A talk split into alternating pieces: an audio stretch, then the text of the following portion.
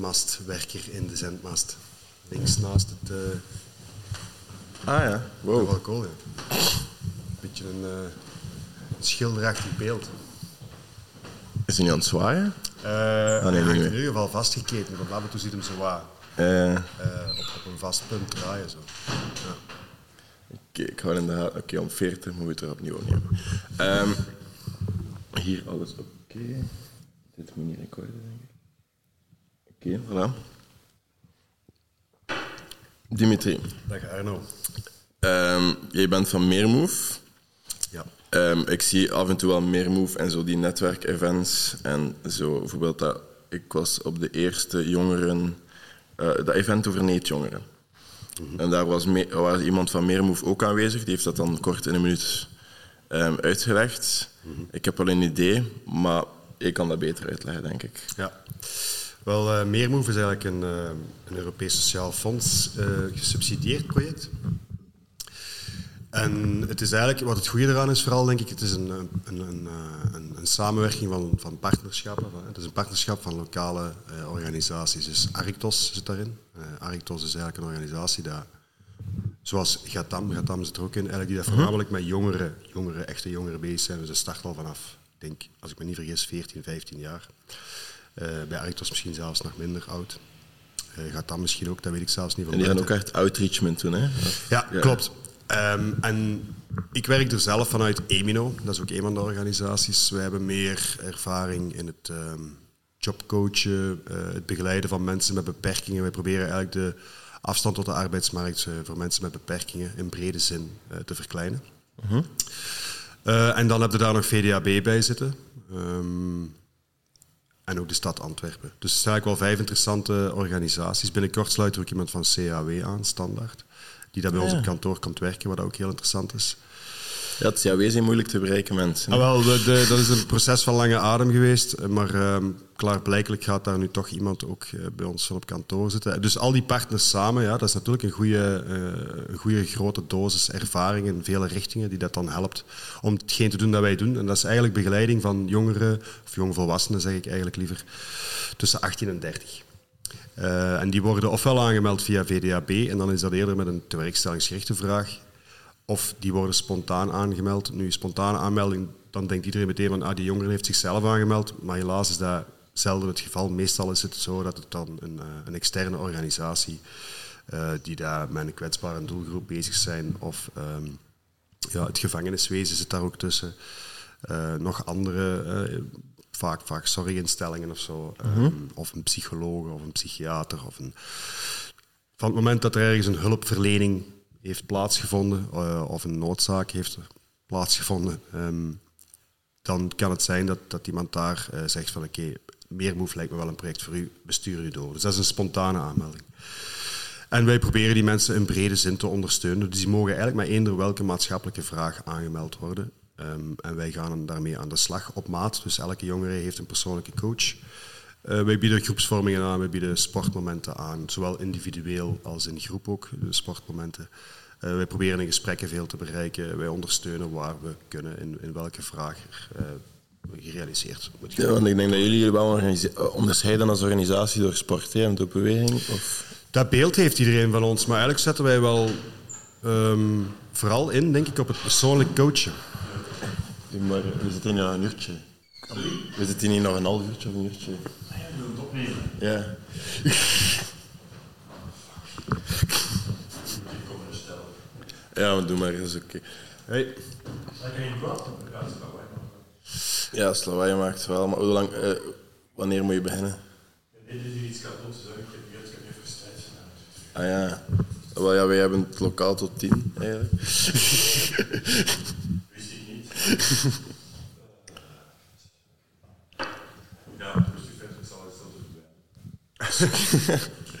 Maar dus, iedereen heeft dat beeld dat jullie van sport. Ja, en dat klopt voor een deel. We hebben nu onlangs een, een vrouwelijke sportcoach erbij gekregen, wat heel interessant is voor bijvoorbeeld moslima's die dat, ja, zich geremd voelen om deel te nemen aan de, aan de groepsactiviteiten, omdat er dan mannen bijvoorbeeld eh, bij zijn. Hè. Dus die kunnen dan nu in een persoonlijk eh, sporttraject stappen bij onze eh, sportcoach Lisbeth. We hebben dan Roberto, dat is een andere sportcoach. Dus we zetten inderdaad wel stevig in op beweging. Want sport is misschien zelfs al een te groot woord, beweging. Maar dat laat niet weg dat wij eigenlijk vooral, denk ik, proberen uh, op, op persoonlijk uh, vlak, uh, op maat, iets aan te bieden. Hè. Die persoonlijke begeleiding, één op één. Um, en dat kan alle kanten uitgaan eigenlijk. Dus dat is toch wel iets dat we zeker ook, alhoewel ik hier ook wel extra wil onderstrepen. Want het is echt niet dat wij alleen met sport of beweging bezig zijn. We proberen echt wel op alle vlakken uh, ja, hulp te bieden waar, waar we kunnen. Uh, natuurlijk, als wij het gevoel hebben dat het niet binnen onze expertise ligt, ja, dan gaan wij misschien eerder doorverwijzen of met de jongeren mee op zoek naar instanties waar hem beter geholpen kan worden dan bij ons. Uh, iedereen zegt het altijd zo, we moeten het warm water niet uitvinden. Hè. Sommige organisaties bieden dingen aan dat wij veel minder van kennen of waar we de mogelijkheden niet in hebben. Uh, dus ja, wij, wij zijn open-minded, we zijn ook een redelijk vrijgegeven. Uh, we leggen de lat niet te hoog voor de jongeren. Dat, dat laagdrempelige, dat trekt ook wel aan en daardoor blijven ze ook wel komen. Hè. Want jongeren zitten vaak in een turbulente fase of zo in hun leven. En, helaas laat het je dan ook wel eens vaker afweten voor afspraken of, uh, of dingen of zo. Maar ja, we proberen daar wat door te kijken en we proberen uh, aanklampend en, en outreachend ook te werken. Uh, wat dat zeker belangrijk is bij jongvolwassenen of jongeren omdat die toch moeilijker bereikbaar zijn en in een kwetsbare ja, positie zitten. Ze outreachen? Wel, door echt, er bijvoorbeeld al om te beginnen, als ze liever niet op kantoor afspreken, buiten mee af te spreken. Door mee te gaan sporten als ze gaan sporten. Uh, als ze niet bereikbaar blijken, dan mogen wij uh, echt gaan aanbellen aan huis. Uh, ah, ja. we, we, proberen ze dan eerst via social media of via gewone media of communicatie te bereiken. Maar als wij voelen dat dat niet werkt en dat die zich beginnen af te sluiten, ja, dan gaan wij daar echt naartoe. En dan gaan we een kaartje in de bus steken van hey, ik ben hier vandaag aan de deur geweest, maar je waart er niet, bel me eens of laat eens iets weten. En dan weten we dat je oké okay zit. En dat kunnen we blijven volhouden gedurende x aantal tijd. We hebben daar de ruimte voor om dat vol te houden. Het is niet als iemand uh, niet meer komt opdagen dat wij dan eens zeggen van na een paar maanden van ah, voilà, die jongen is niet meer bereikbaar, uh, dat hem zijn plan trekt. Hè. Dat is ja, op die manier. Ja. Dus wij blijven wel uh, vastklampen. Wij blijven wel proberen om, om die eigenlijk terug uit die schelp te krijgen. En dat is ook wel mooi, hè, dat dat kan. Hè. Ja, dat is goed. Dat is moeilijk ook wel, denk ik. Super moeilijk. dat heeft ook niet altijd succes, maar het is wel belangrijk, want vaak zijn wij een van de weinige partijen waar dat die jongeren zich um, ja, uh, een beetje veilig voelen of waar ze net dat, stap, dat, dat beetje meer kunnen vertellen of durven vertellen. Um, ja, dat is, dat is denk ik een belangrijk steunelement hè, in sommige fases van iemand zijn leven, dat er dat is. Dus dat is goed. Ja, we bij digitaal merken dat bijvoorbeeld ook dat mensen op een intakegesprek komen en die worden bijvoorbeeld doorgewezen door VDAB of die, die denken van ja, studie digitaal is een project voor jullie, gaat daar maar naartoe. En dan komen ze op intake, heel veel informatie. En dan weten ze, oei, wat moeten wij nu doen? En dan zien we die niet meer terug. Ja. En dan... Het is zo moeilijk, want ik, je krijgt dan zo als, als feedback... Nu, ik, ik, ik hou me niet zoveel bezig met intakegesprekken. Maar ja, er wordt dan zoals feedback... Ja, je moet een vertrouwensband met je opbouwen en zo. Maar dat gaat volgens mij heel moeilijk met een intakegesprek. En daarom doen wij nu ook... Um, ja, ik had ooit het idee om een open café hier te starten. Dus wij doen dat nu in de studio op donderdag. Zijn wij om van drie tot vijf gewoon open. Dan kan iedereen gewoon binnenstappen, spelletjes spelen, whatever. Ja. En dat is dan laagdrempelig binnenstappen. Dan komen ze niet bij ons op kantoor. We hebben dat nu net gezien. Uh, binnen. Dus dat was al iets. En we hebben iedere maandag zo workshops, waar iedereen gewoon welkom is. Dus dat is al zoiets wat er wel een vertrouwensband, maar toch uh, jongeren die gewoon op de website die kijken en dan springen ze binnen, die dan binnenspringen, die dan intake krijgen en dan zo plots verdwijnen. Wat doen jullie daartegen? Ja, dat is vaak het geval. Er is, er is ook een overload van informatie om te beginnen al. Uh, ik denk als je in een kwetsbare positie zit, dan zie je ook soms door het bos de bomen niet meer. Dus dan is het logisch dat je snel uh, wat verloren loopt. Dat is een moeilijke situatie. Ik denk dat we hebben onlangs hier een vergadering gehad zelfs, hè, met mensen van uh, Studio Digitaal en um, um, Young Phoenix met een deelproject On Track zat daar ook bij en VDAB zat daar ook bij. Dat is een veel voorkomend herkenbaar probleem. Ik denk dat het, het, het enige dat daar echt kan helpen, denk ik, is niet te veel info uh, geven. Inderdaad, proberen eerder eerst aan een vertrouwensband te werken en dan misschien de informatie hè, en de mogelijkheden gaan bekijken. Nu, dat is allemaal traject per traject te gaan bekijken, want dat is heel afhankelijk, dat is heel persoonsgebonden. Um, maar ik denk dat uh, het moet duidelijke informatie zijn. Het moet snel bereikbaar zijn, want de spanningsboog van vele jongeren is vrij, um, hoe zeg dat, kort. Um, waardoor dat die snel afhaken. Uh, of dat die weer in een ander probleempje uh, of probleem terechtkomen, waardoor dat die weer niet zich kunnen focussen op hetgeen waar ze zich eigenlijk zouden op willen kunnen focussen. Dus ja, dat is eigenlijk een complex gegeven. Dat is niet zo simpel te beantwoorden, vind ik. Dat is heel persoonsgebonden, maar ik denk dat uh, duidelijke informatie, kort op de bal kunnen spelen ehm, en de juiste plek. Zijn de grootste drempels dat jullie zo tegenkomen bij jullie jongeren dan waarschijnlijk? Wat de grootste drempels zijn? Ja, bij ons is dat bijvoorbeeld taalbarrière, die komt regelmatig wel voor, maar bijvoorbeeld ook zelfvertrouwen. Ik denk dat dat een van de grootste is voor ons, alleen bij ons toch? Ja. Jongeren die zo wat ingetrokken komen en dan na vier maanden toch wel een beetje opbloeien, omdat ze dan merken dat ze wel wat dingen kunnen. En dan... Ja, ik denk dat er veel drempels zijn. Uh, maar inderdaad, zelfvertrouwen is daar een grote van. Ook niet onlogisch vaak op die leeftijd, denk ik. Zeker als ze misschien ook nergens het vertrouwen gekregen hebben, hè, wat ook al belangrijk is. Um, ja, wat zijn de drempels? Er zijn er veel. Hè. Er zijn er veel. Ik denk dat jongeren ook heel veel, um, en dat klinkt misschien wat negatief, maar misschien als je al in een kwetsbare positie zit en je duikt dan te hard in het um, social media gegeven, in het digitale, in het, in het, uh, in het gamen, in, in, het tv kijken en weet ik veel wat allemaal, ja, dan verliest je ook wel een beetje connectie met de echte wereld daarbuiten. Ja, ja. En ik voel ook veel vaak dat dat contrast tussen de ja, de, de, digitale wereld, zullen we het even noemen, en, en, de echte wereld, dat dat ook wel groot is als je die overgang moet maken. En daar heb je wel een grote dosis vertrouwen en, en daadkracht voor nodig om dat stapsgewijs uh, ja, succesvol af te, af te lopen. Zo, en uh, dat lukt niet altijd, denk ik. Ik denk dat wij daar ook verdienen, omdat... Uh, met te vergemakkelijken. Nu weet ik niet of dat de grootste drempel is, hè, want ik denk dat er, er zijn talloze dingen. Mensen komen vaak ook gewoon uit een kwetsbare positie. Hè. Sommigen hebben een crimineel verleden, hè. sommigen we begeleiden zelfs mensen in detentie. dat zijn dan mensen die overdag naar buiten mogen, die dan een job gaan hebben of, of op zoek zijn naar een job.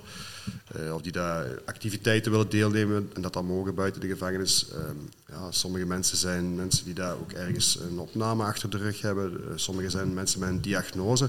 Ja, dat zijn allemaal profielen die sowieso al veel moeilijker die weg vinden naar de tussen haakjes normaliteit. Dus ja, er zijn vaak heel veel drempels, denk ik. Uh, en het is ook een uh, illusie om te denken dat je die allemaal gaat kunnen wegwerken. Maar je kunt maar proberen om ze mee op weg te trekken. Hè. Ik denk dat dat het belangrijkste is dat we moeten proberen. Uh, ik denk dat ook in de eerste plaats moeten ze het zelf ook willen. Dat is ook iets dat belangrijk is. Want soms hebben van die profielen waar je aan ligt te sleuren en te trekken, maar dat helpt ook niet helaas. Hè. Dan haken die uiteindelijk toch weer af. dus de lat niet te hoog leggen, denk ik. Stap voor stap gaan. Um, ja, en drempels, ja, dat zijn er wel wat. Hè. Mm, zelfvertrouwen is zeker een heel ja, terugkerend, herkenbaar gegeven, absoluut. Ja. Verankering, hè. Ja. ja, bijvoorbeeld, ik heb nu twee dingen. Oh ja, bijvoorbeeld, ja, er was iemand van Youth Start en die zei ook zo van... Uh, als ze één iets kon oplossen bij de jeugd, was echt zo zelfvertrouwen, weten dat ze meer dingen kunnen en talenten ontdekken en dan echt gewoon dingen proberen. Maar dan, wat het digitale, we hebben ook Ernest hier in Joe gehad.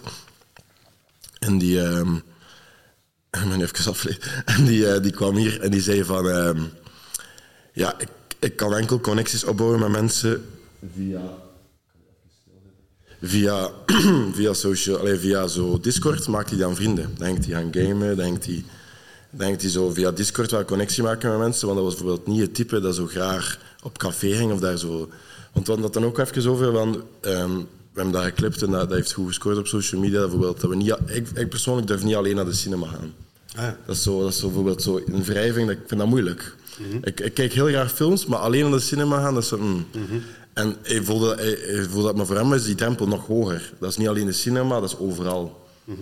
Zo alleen naar ergens gaan en zo op café of zo, helemaal niet. Ik denk dat heel veel jongeren daar echt moeite mee hebben. Maar ik zelf, allez, ik zelf heb daar ook al moeite mee, denk ik. Ja, natuurlijk, als je naar de cinema gaat, dan zit ook in een zaal van 300, 400 mensen. En dat is een dat is een onderneming om daar naartoe te gaan en een ticketje te kopen. En je zit daar in een drukte en een gegeven.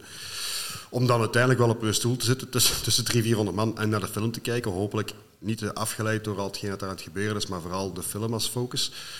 Maar voor mij is dat wel, en café gaan trouwens ook, dat, zijn wel nog, dat is nog iets anders vind ik dan wat ik bedoel met de, de stap maken naar, de, naar het, het, echte leven. Wat ik bedoel is eigenlijk vooral, uh, jij zit hier nu bijvoorbeeld naast mij. Jij hebt moeite om naar de cinema te gaan, zeg je, waar dat 300, 400 man zit. Dat is een grote stap voor u. Maar je zit wel hier naast mij en je zit eigenlijk toch als een... Het moeite eh, is gewoon zo alleen zijn met allemaal mensen die samen met andere mensen ja, zijn. Zo ah, maar jij zit hier nu naast mij en je zit toch een... Uh, je lijkt mij toch zelfverzekerd dit interview af te nemen. Dus snap dat er zijn, denk ik, als je 60, 70 procent van de jongeren die dat we begeleiden hier naast mij zouden zetten en vragen van oké, interview nu is Dimitri. die gaan in elkaar kruipen, die gaan niet weten wat ze moeten vragen, die gaan zeker niet zelfverzekerd die vragen stellen. Oké, die hebben er misschien ook geen ervaring mee, maar ik denk dat, dat dat is voor mij de, de echte wereld. Dat is dan toch eh, één op één of een kleinere groep een soort van connectie kunnen aangaan met mensen. Ja, maar dat is ook iets dat ik altijd aanraad. Bijvoorbeeld, als, bijvoorbeeld een heel groot deel van mijn vriendengroep die komt van de klimzaal. Ik heb heel veel... Ik heb, ik heb dat voor klimmen vroeger en zo. En ik was net naar Gent verhuisd voor mijn studies. En ik kende daar niemand. En als klimmer kom je altijd op één plaats terecht in de klimzaal. En klimmen, dat is heel leuk, want als je even aan het chalken bent of je bent je route aan het lezen of zo, je praat met andere mensen. En we zijn allemaal dezelfde puzzels aan het oplossen, we zijn allemaal dezelfde dingen. En dan, ah ja, weet hij hoe hij die move doet, weet hij dat? En plots kom hij iedere week naar de, naar de, naar de klimzaal en je ziet iedere week dezelfde mensen. En plots is dat een hele vriendengroep. En ik denk wel zo, ik raad altijd aan voor zoiets te zoeken. Fitness vind ik, heel veel jongens die zo into fitness, maar ik vind dat een heel moeilijke situatie. Ik hou ook heel veel aan de fitness, maar ik ben niet een persoon om mee te socializen in de fitness. Ik zet mijn koptelefoon, ik zet heel hard de muziek aan en ik ben aan het gaan. Ja. Maar zo settings als de klimzaal of... ehm, er zijn nog zo zaken. Al is dat... Kan nu niet echt op iets komen, maar zo van die social events, bijvoorbeeld hier het Open Café of zo cultuurnetwerken. Allee, zo van die Ja, events. maar wat ik denk is, eh, waar, waar ik het een beetje afleid tot heel het gegeven, is je moet ergens energie van krijgen. Je Ja. moet ergens iets doen dat je graag doet. En dat kan niet zijn dat eh, beweging inhoudt, want e- beweging is veel belangrijker dan dat we eigenlijk als mens vaak Ja, doorhebben. ja, tuurlijk. Ehm, en veel jongeren bewegen, denk ik, te weinig. Ehm, maar daarbovenop is het inderdaad nog hogerop eh een idee van energie krijgen van iets. Iets graag doen, interesse hebben in dingen en die dan ook durven uitproberen. En er ook bij neerleggen als je het niet leuk vindt. Want dat is ook iets dat je dan niet opgeeft of niet moet opgeven nadat je iets geprobeerd hebt. En ja, dat, dat is ook wel wat eigen aan de leeftijd. Dat begint wel in je puberteit en dat eh, gaat soms door tot je dertigste, denk ik. Dat je bent op zoek naar wat, wat doe ik graag, hè? wat vind ik leuk. En dat, dat switcht, dat wisselt vaak. Eh, en daar moeten, ja, mensen moeten daarin eh, blijven volhouden om te zoeken. En, en dat is een deel verbinding aangaan. In de eerste plaats met jezelf, want het geeft u energie. Hè. Eh, in verbinding aangaan met jezelf. Daarvoor moet u eigenlijk al een beetje kennen en luisteren naar wat je wilt en het ook durven doen. Eh, maar ook verbinding aangaan met de anderen. Want in alles wat je doet, of in de meeste dingen dat je doet, gaat er een soort van connectie aan. Zoals dat jij dan in de klimzaal een soort van verbindenis vindt. Van ja, hey, daar, als je die groene pakt en je gaat dan naar die blauwe daar, dan kun je misschien wel, eh, wel tot boven geraken. Hè? Dat is het moeilijkste punt van heel, de, van heel het stuk. En als dan lukt, dan denk je, wow, yes man, dat was kei cool. Ik, eh, het is mij gelukt. En dan, ja, dan voel je nog een week goed, omdat je die route dat je de week ervoor niet kon, toch gedaan hebt. Hè? En besproken hebt met je maten of je vriendinnen.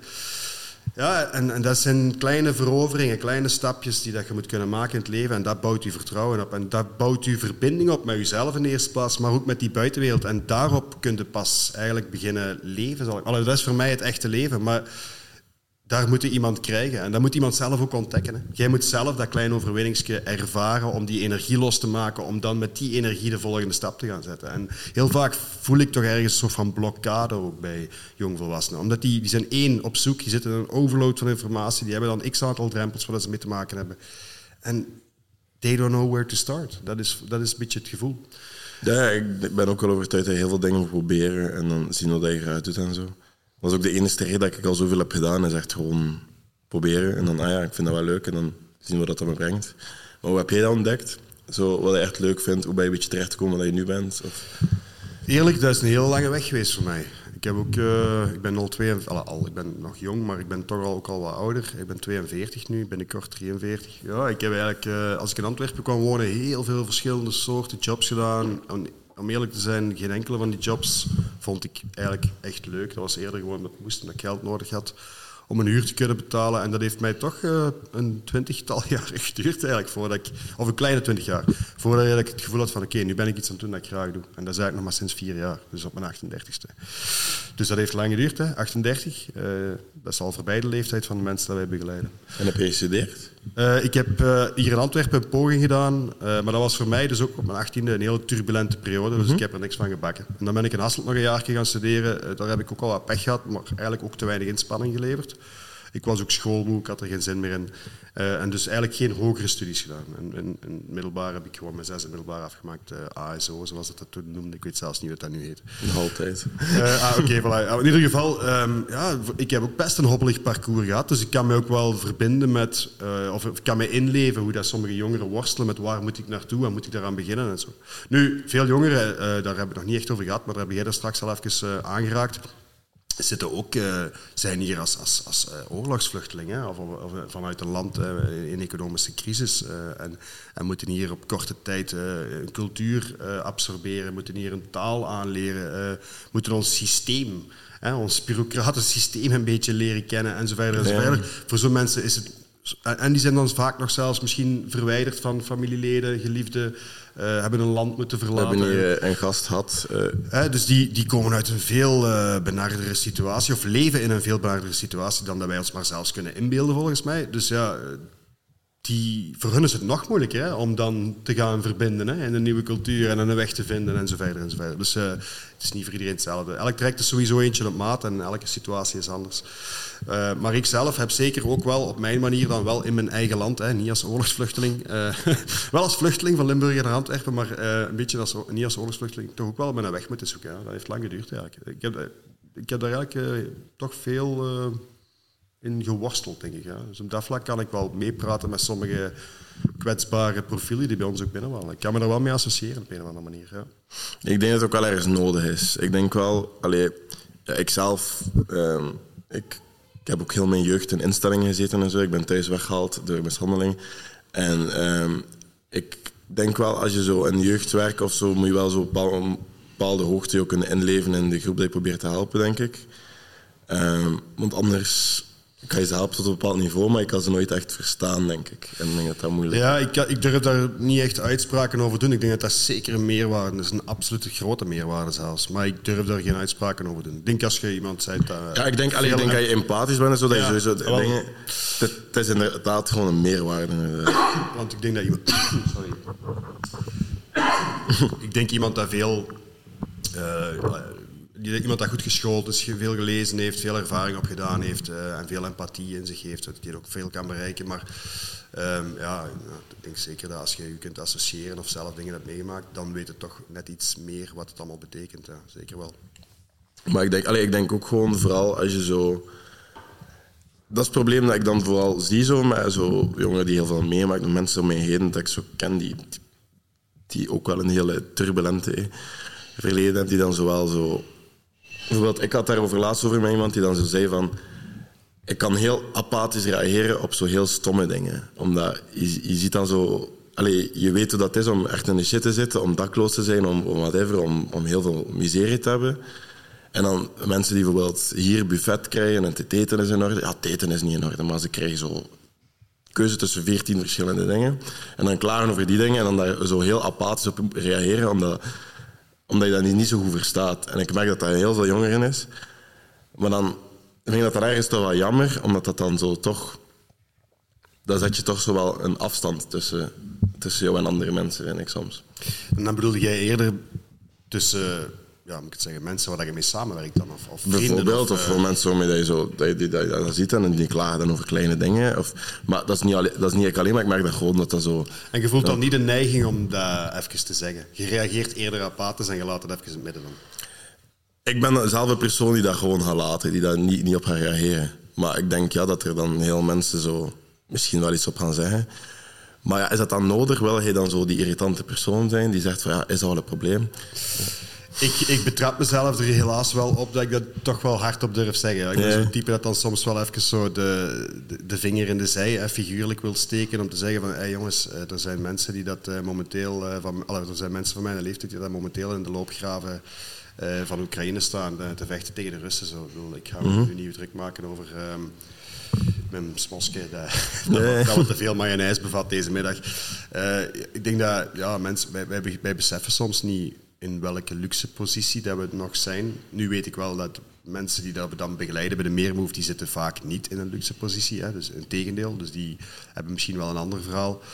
Maar ik denk wel dat we algemeen moeten beseffen dat, dat er nog heel veel dingen wel goed gaan in onze maatschappij. En dat er heel veel dingen wel um, onderhouden en georganiseerd zijn. Um, En dat we daar wel uh, waarde aan, voor wel moet ik zeggen, dat we dat moeten beseffen. Hè. Dat, we, dat, we, niet over elk, elk ding moeten beginnen zeuren. Um, Nee, ik ben daar ook wel allergisch aan, moet ik eerlijk zeggen. ja, even iets heel anders, maar ik denk er net aan, vond je dat zo moeilijk? Want je, bent nu, je zegt dat nu op latere leeftijd een heel carrière switch gemaakt. Vind je dat moeilijk om zo ergens anders, zo, niet onderaan de ladder, maar zo wel iets helemaal nieuw te doen? Nee, nee, in tegendeel. Ik was eigenlijk heel blij dat ik de kans heb gekregen, want ik heb eigenlijk ook geen diploma, hè, of toch geen, geen gericht diploma. Uh, ik heb heel, ben heel blij geweest dat ik de kans heb gekregen binnen Emino om... Um, om te kunnen starten als jobcoach was het dan, voor mensen met beperkingen. um, en ik ben, ja, ik ben er eigenlijk heel dankbaar voor. En eigenlijk had ik gewoon voor de eerste keer in mijn leven het gevoel van, ah, ik zit een beetje op mijn plek. En de overige ja, 18, uh, 18 jaar daarvoor heb ik eigenlijk altijd nou, een beetje tegen mijn goesting gewerkt en, en, en, gevoeld van, dit is het niet. Wat heb je toen allemaal gedaan? Oh man, dat is een hele waslijst. Ik, ben, ik zal het kort uh, samenvatten. Ik heb eigenlijk, um, vanaf dat ik in Antwerpen woonde, heb ik zo, uh, via interim jobs gedaan in de haven. Mm -hmm. uh, dat waren meestal echt zo containers lossen en die dingen. dan heb ik een paar jaar horeca gedaan. Um, dan ben ik uiteindelijk um, ja, ook nog wel via interim zo links en rechts wat typische arbeidersjobs gedaan. magazijnswerk, inpakken vrij monotoon werk, eenvoudig werk. Uh, vaak in shiften en zo ook. En dan ben ik uiteindelijk uh, zo, uh, ja, noemt het dan, bij een bedrijfje terechtgekomen dat zo distributie doet van, van, van ja, non-profit reclame. Dat klinkt wel raar als ik het nu zo uitspreek, maar distributie van postkaartjes en affiches en dergelijke en zo. um, en dan ben ik in een bouwwinkel aan de slag gegaan, vijf jaar. Uh, verkoper van bouwmateriaal. Dat was zo'n deftige winkel voor de vakman. Dus daar heb ik wel veel geleerd over de bouw. En op een duur begon ik me echt wel te interesseren voor de bouw eigenlijk. En dan ben ik zelf in de bouw gaan werken. Uh, daar heb ik dan een jaar of drie, vier, denk ik zo, in totaal in gewerkt. Ook een paar vrienden wat helpen verbouwen thuis. Uh, en dan heb ik, ben ik zelfstandig een bijberoep geworden als klusjesman korte tijd weliswaar. Um, dan ben ik zo stilletjes aan, wil ik zo de stappen maken richting de culturele sector, om daar zo wat decorbouw of podiumbouw te doen, wat ik eigenlijk ook wel leuk vond. Maar ik wou eigenlijk al lang wel iets, iets doen met mijn hoofd eerder, of met, met mijn hart, dan, dan echt met mijn handen, om het zo te zeggen. Niet als je met je handen werkt, dat je dan niet met je hart werkt, maar ik wil zeggen gewoon, um, ik wou eigenlijk meer zo met mensen iets gaan doen. En dan ben ik gaan solliciteren bij Emino en ben ik daar begonnen. Dus dat is, dat is ongeveer 18 jaar, heel kort samengevat. Ja, maar ik haal er wel zo een paar interessante, vooral voor jongeren bijvoorbeeld interessant. Je bijvoorbeeld eerst in een bouwwinkel werkt, dan in de bouw gaan werken. En dan pas kwam je zo in decor en zo terecht. En dan heb je eigenlijk wel een heel leertraject afgelegd om die skills te leren. Ja. Om dan uiteindelijk daar toch terecht te kunnen komen. Dat is ook een job waar je normaal wel, wel skills en zo. Dus op zich, allee, je, bent niet geschoold, maar je hebt daar wel zo die, die technische termen van die career capital opgebouwd. En dan is wel dingen geleerd. Dus dat is wel, allee, voor mij is dat wel een interessant traject. Ja, sowieso. Um, allee, ik, ik, ik heb daar recht van spreken niet, maar ik denk dat je het leven leert uh, in het leven en niet op de schoolbanken. Hè. En, en, dat is eigenlijk een beetje wat er soms wel ontbreekt, denk ik, aan uh, ons schoolsysteem. Hè. Wij worden als, als min 18-jarigen worden wij veel te weinig in contact gebracht met, met het realistisch beeld van wat een arbeidsmarkt is. En ik denk dat dat een hele belangrijke is. Wij vaak als jongeren moeten kiezen om een studiekeuze op een 18 dan hebben ze geen idee van, van wat ze moeten kiezen, omdat ze niet goed weten wat er eigenlijk verder eh, opvolgt daarna. Uh, nu, dat is dan voor de mensen die geprivilegeerd zijn en effectief kunnen gaan studeren. Er zijn er ook heel veel die niet gaan studeren natuurlijk. Uh, dus ja, het is een beetje een tweeloop. Maar ik denk dat, dat uh, ja, jongeren van, van een kleiner af aan moeten in contact gebracht worden met de arbeidsmarkt. Met de realiteit, en ook al is dat een lelijk woord. Zodat ze een beetje voeling krijgen, letterlijk voeling krijgen, maar wat ja. het eigenlijk inhoudt. Ik, ik denk dat nu ook wel meer en meer. Ik, ik heb wel geluk gehad dat ik verder gestudeerd heb. Ik heb mijn diploma gehaald. Maar dat dat wel zo'n ticketje is naar de, naar de arbeidsmarkt. Absoluut. Want zonder ging, ging deze functie bijvoorbeeld nooit hebben. Maar dat was wel zo voor mij zo... Ik heb dat drie jaar geleerd. Ik heb daar skills geleerd, maar moest ik buiten die opleiding die skills niet verfijnd hebben en daar echt mee bezig zijn omdat ik het graag deed. Want ik heb marketing en communicatie gestudeerd en ik was altijd bezig met mijn eigen content en met, podcasting en die toestanden. En, en dat zijn ook wel zo, moest ik dat er buiten niet gedaan hebben, ging ik nooit zoveel aan die opleiding hebben gehad volgens mij. Maar nu dat ik zo, zo gezegd op mijn cv die, die functies heb staan, dan is dat wel zo van, dan heb ik dat diploma niet echt meer nodig. Mhm. En, maar dat was wel zo mijn ingangsticket. En daar heb ik het soms wel zo moeilijk mee. Van, op zich moest ik dat, diploma nu niet hebben gehad, kon ik wel nog altijd al die dingen, maar ging het wel veel moeilijker hebben om een functie te hebben. Ja, ja, en dan hangt het een beetje van bedrijven af. Hè. Maar om daar nu, het is toch een podcast, hè, moesten er mensen aan het luisteren zijn die dat twijfelen om er iets te gaan. Het diploma is zeker belangrijk. Het is een toegangsticket, absoluut. En het is al eigenlijk start, is een diploma halen, dat start vanuit interesse. Hè. En als je interesse hebt in iets, en dan gaat u verder buiten hetgeen wat je op school leert ook nog verdiepen, zoals jij gedaan hebt in bepaalde dingen. En dat werkt allemaal een beetje in elkaar in. Hè. Dat werkt samen. Ehm, maar toch um, hoorde bij alle werkgevers, of bij de meeste, oké, de cv is superbelangrijk, ze gaan, dat, ze gaan dat wel eens bekijken en zo verder. Maar als je eens uitgenodigd wordt op gesprek, weet een werkgever eigenlijk na 10 seconden al of dat hem gaat aannemen of niet. ja. Zonder dat hij met u gesproken heeft. Dat is wat veel werkgevers zeggen. Um, en dat heb ik gehoord vanuit iemand die dat een, een, een oudere collega, die nu zelfs op pensioen is, die jarenlang met werkgevers in contact heeft gestaan via Emino als jobcoach. Uh, die gaf ook vormingen en zo verder, sollicitatietraining en zo. Werkgevers kijken naar, ja, ik zeggen, naar, naar wie dat je zijt, naar uw energie en, uh, en, en, en, maken eigenlijk al een soort van staat van oordeel op van het moment dat je binnenwandelt. Dus wat dat je daar komt vertellen is natuurlijk van belang. Hè. Ik wil dat niet uh, minimaliseren, maar, maar toch een indruk, hoe dat je ervoor staat, hoe dat je overkomt. Um, ja, dat doet heel veel voor een werkgever. En dan, dan is het diploma zeker niet het belangrijkste. Dus als je geen diploma hebt, solliciteer toch.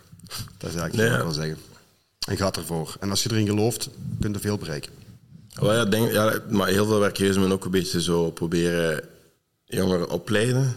En die, allee, dat is zo... Want die, allee, ik denk wel dat je daar heel veel uit kan halen als jongeren een kans geeft, als die daar echt geïnteresseerd zijn.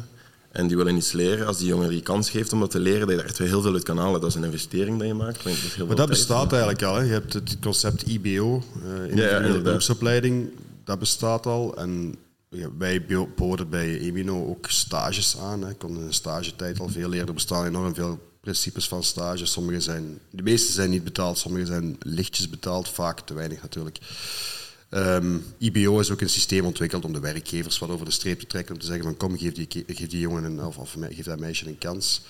Um, maar ja, nee, dat klopt. Opleiding is belangrijk. Um, iedereen een kans geven is belangrijk. Uh, niet onmiddellijk afhaken als het eens een keer tegen zit. Zeker bij jongeren in een kwetsbare positie, want die gaan wel eens een keer door de mand vallen. Of die gaan het wel eens een keer laten afweten. Uh, maar die bestaan gelukkig, die werkgevers, hè, die dat daar begrip voor tonen. Uh, ik heb die eigenlijk de laatste jaren wel wat leren kennen. En ze zijn schaarser hè, dan degene dat met, de, met de hardere aanpak een personeel ja, moet ik zeggen, behandelen. Hè. Um, helaas. Maar er bestaan ook wel nog sociaal denkende werkgevers die dat iedereen een kans willen geven. En, en ongeacht taal, afkomst, uh, kleur, weet ik veel. Hè? Dus die, die zijn er zeker. Uh, het, het, is vooral jezelf. Hè? Je moet erin geloven, je moet ervoor gaan en, en, je moet een beetje je vastbijten. Hè? En zelfs al doet het niet graag. Hè? Soms is het essentieel dat je gewoon even... Ja, het leven is niet... Dat is nog zoiets dat misschien ook wel wat... Een ding is dat, dat misschien wat veranderd is. Ik durf dat misschien... Ik durf dat zeggen, maar ik weet niet of ik juist ben. Het is maar een vraag dat ik eigenlijk even hier opsmijt. Um, ik heb het gevoel dat, dat iedereen snel resultaat verwacht dat je aan iets start en dat je eigenlijk bij wijze van spreken binnen x aantal tijd hè, um, dan dat hebt waar dat je eigenlijk van droomt. Maar zo werkt het leven niet. Hè. Het leven is opbouwen, stap voor stap gaan. En je moet je eerst door de modderpoel uh, duwen voordat je aan het zwembad komt. Hè, nee, maar dat is, dat, is, dat is sowieso... Allee, dat, dat is iets mensen willen, die quick fix. En dat is, dat is ja. niet alleen bij... bij voor mensen die muziekcarrière willen, die denken, van, ik ben volgend jaar beroemd. Of mensen die, allee, die, dat is van die dromen is heel goed. Maar dat kan ook bijvoorbeeld in sport zijn. Ja, ik wil binnen drie maanden sixpack hebben, dat gaat lukken. En dan beseffen die dat, dat die een beetje veel te hard aan het trainen zijn, dat dat niet lukt. En dan, dan vallen die uit de boot en dan stoppen die met sporten. Ja. Maar dat is bij alles zo dat mensen... Maar ik denk ook dat social media zo daar een grote rol in speelt, omdat mensen veel meer eh, gaan vergelijken met andere mensen. Ja, ja, zeker. Maar we hebben nu bijvoorbeeld ook een jongere... Allee, ik merk ook wel, wat, hij, wat je nu zei, dat, dat, dat is even bijbleven dat je niet altijd kan doen dat je het graag doet. Hij soms echt iets We hebben nu jongere bijvoorbeeld, die heeft geen diploma Ehm, die zit onder onze begeleiding en die... Um, maar zo zijn er heel wat. En die, het is nu ook een fictief, het is, het is gestandaardiseerd hè. voorbeeld dat ik maak, dat dat een beetje past voor iedereen. En um, je merkt dat hij een beetje solliciteert voor alles. voor zowel in een tankstation gaan werken, in de kuisploeg, in de alles wat hij kan pakken. Hij heeft geld nodig, want hij moet, hij, hij, moet geld verdienen, want hij zit in de schulden en, en hij moet wel geld verdienen, maar dan merkt hij dat hij voor alles solliciteert. Maar eigenlijk heeft hij wel heel wat capabiliteiten, want allee, die, die heeft skills, grafisch of ontwerp, allee, die kan wel heel wat. Die heeft dus zichzelf dat geleerd met dingen, maar toch had hij zo voor alles dat eigenlijk misschien onder zijn capabiliteit dan solliciteren. Maar dan lukt het dan nog altijd niet om een job te mhm. vinden. Mhm. Ja.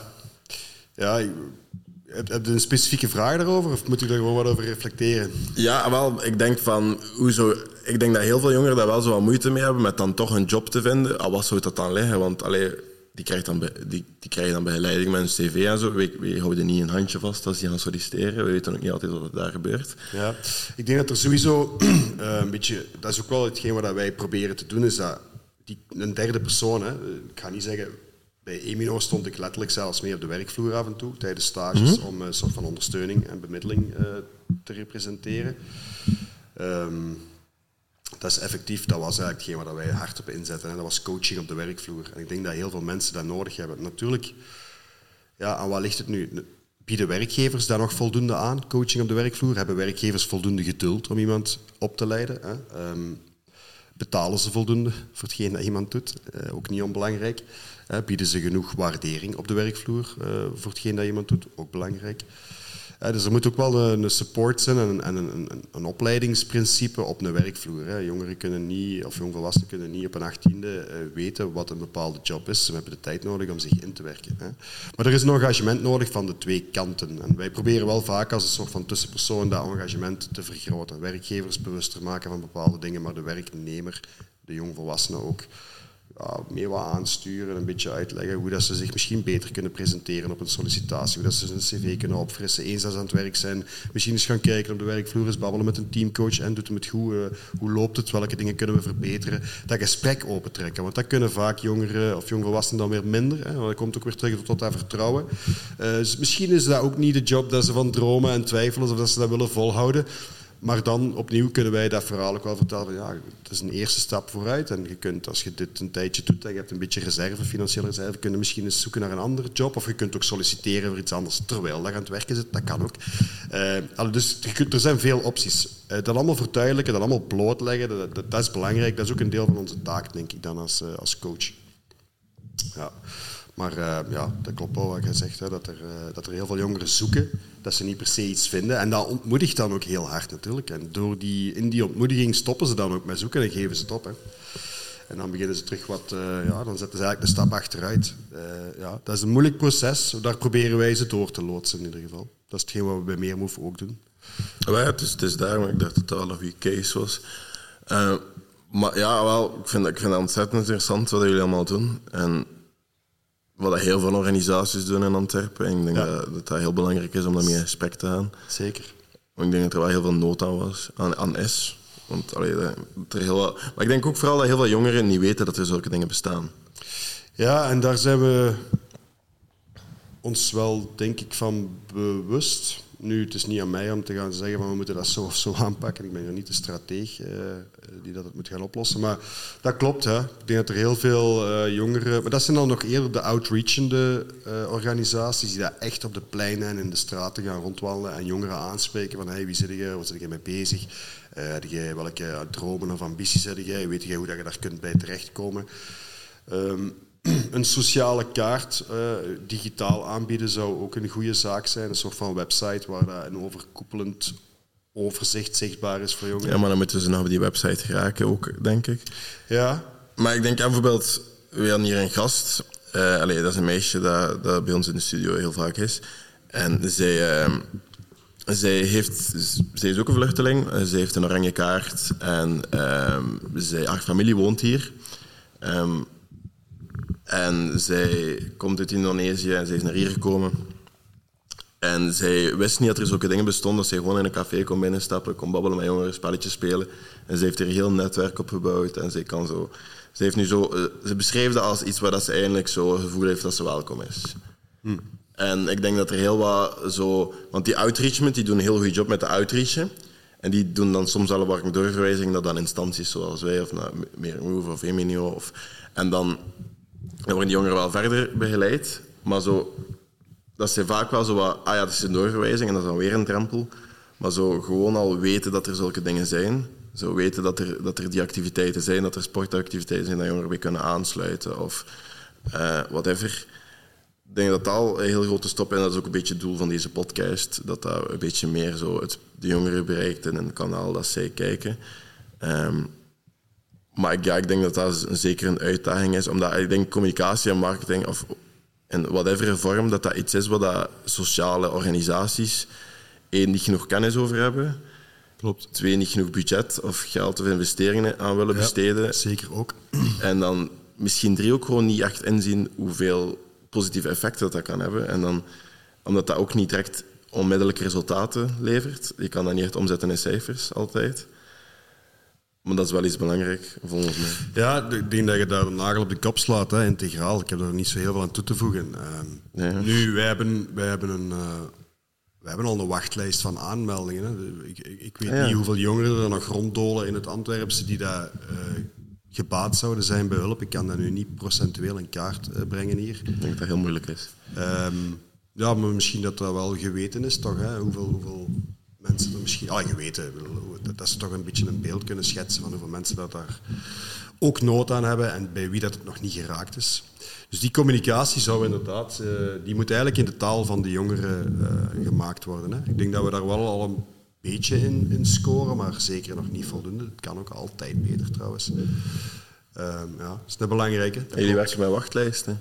Wel, dus we zitten altijd met een, een aantal aanmeldingen die hmm. dat staan te wachten om opgestart te worden. Hè. Ja. Dus, um... En hoe lang duurt dat dan ongeveer? Wel, het valt mee. Hè. Bij ons is het denk ik op dit moment een maand of twee, denk ik. Ja, dus bij aanmelding en dan tegen dat je uiteindelijk echt een coach voor je neus hebt zitten, um, zal ongeveer een tweetal maanden zijn. Maar op zich niet zo lang is. Maar voor een jongere is dat wel lang, hè? twee maanden. Ja, wel, ja, denk, ja bijvoorbeeld... Allee, dat is zo altijd iets dat mij, als ik zo jongere organisatie hoor en dan wachtlijsten, dan is altijd iets dat ik denk van, ah, omdat ik daar zelf als jongere heel veel moeite mee heb gehad. Want je wordt dan in crisisopvang en je komt dan iedere keer in crisisopvang terecht. Dat zijn zo uh, crisisopvang waar je, stel dat je nu echt een bed nodig hebt en dan, dan kan je daar twee of drie nachten max blijven, dan slaap je gewoon in instelling. Maar dan zie je altijd lege bedden rond je staan. Maar er is nooit plaats in de crisisopvang. Maar iedere keer als je daar slaapt, zie je altijd lege bedden. En dan is dat zo die wachtlijstsystemen, dat is zo al die bureaucratie. Ik heb daar wel wat moeite mee. Ja, dat snap ik terecht. Uh... En dan ook zo dat bij lijstafstanden wonen bijvoorbeeld. Dat is ook iets wat ik, zelf ervaring mee had vroeger. En dan is dat zo... Dan zit je daar zo maanden op te wachten, maar eigenlijk heb je gewoon iemand nodig die zegt van oké, okay, je krijgt nu geld je mag eens besparen voor je dingen, maar een appartementje zoeken en je mag alleen gaan wonen. Mhm. Dat is al... Je hebt niet echt je hebt coaching nodig, maar dat is één iemand in de maand die een keer langskomt en antwoordt op je vragen, totdat je het niet meer nodig hebt. En dan is dat dan zo van die wachtlijsten van een half jaar in toestanden. Ik heb daar nu wel heel veel geluk in gehad, maar ik, kan andere dingen... Dat ik denk van wachtlijsten, dat is iets waar ik echt wel iets heb van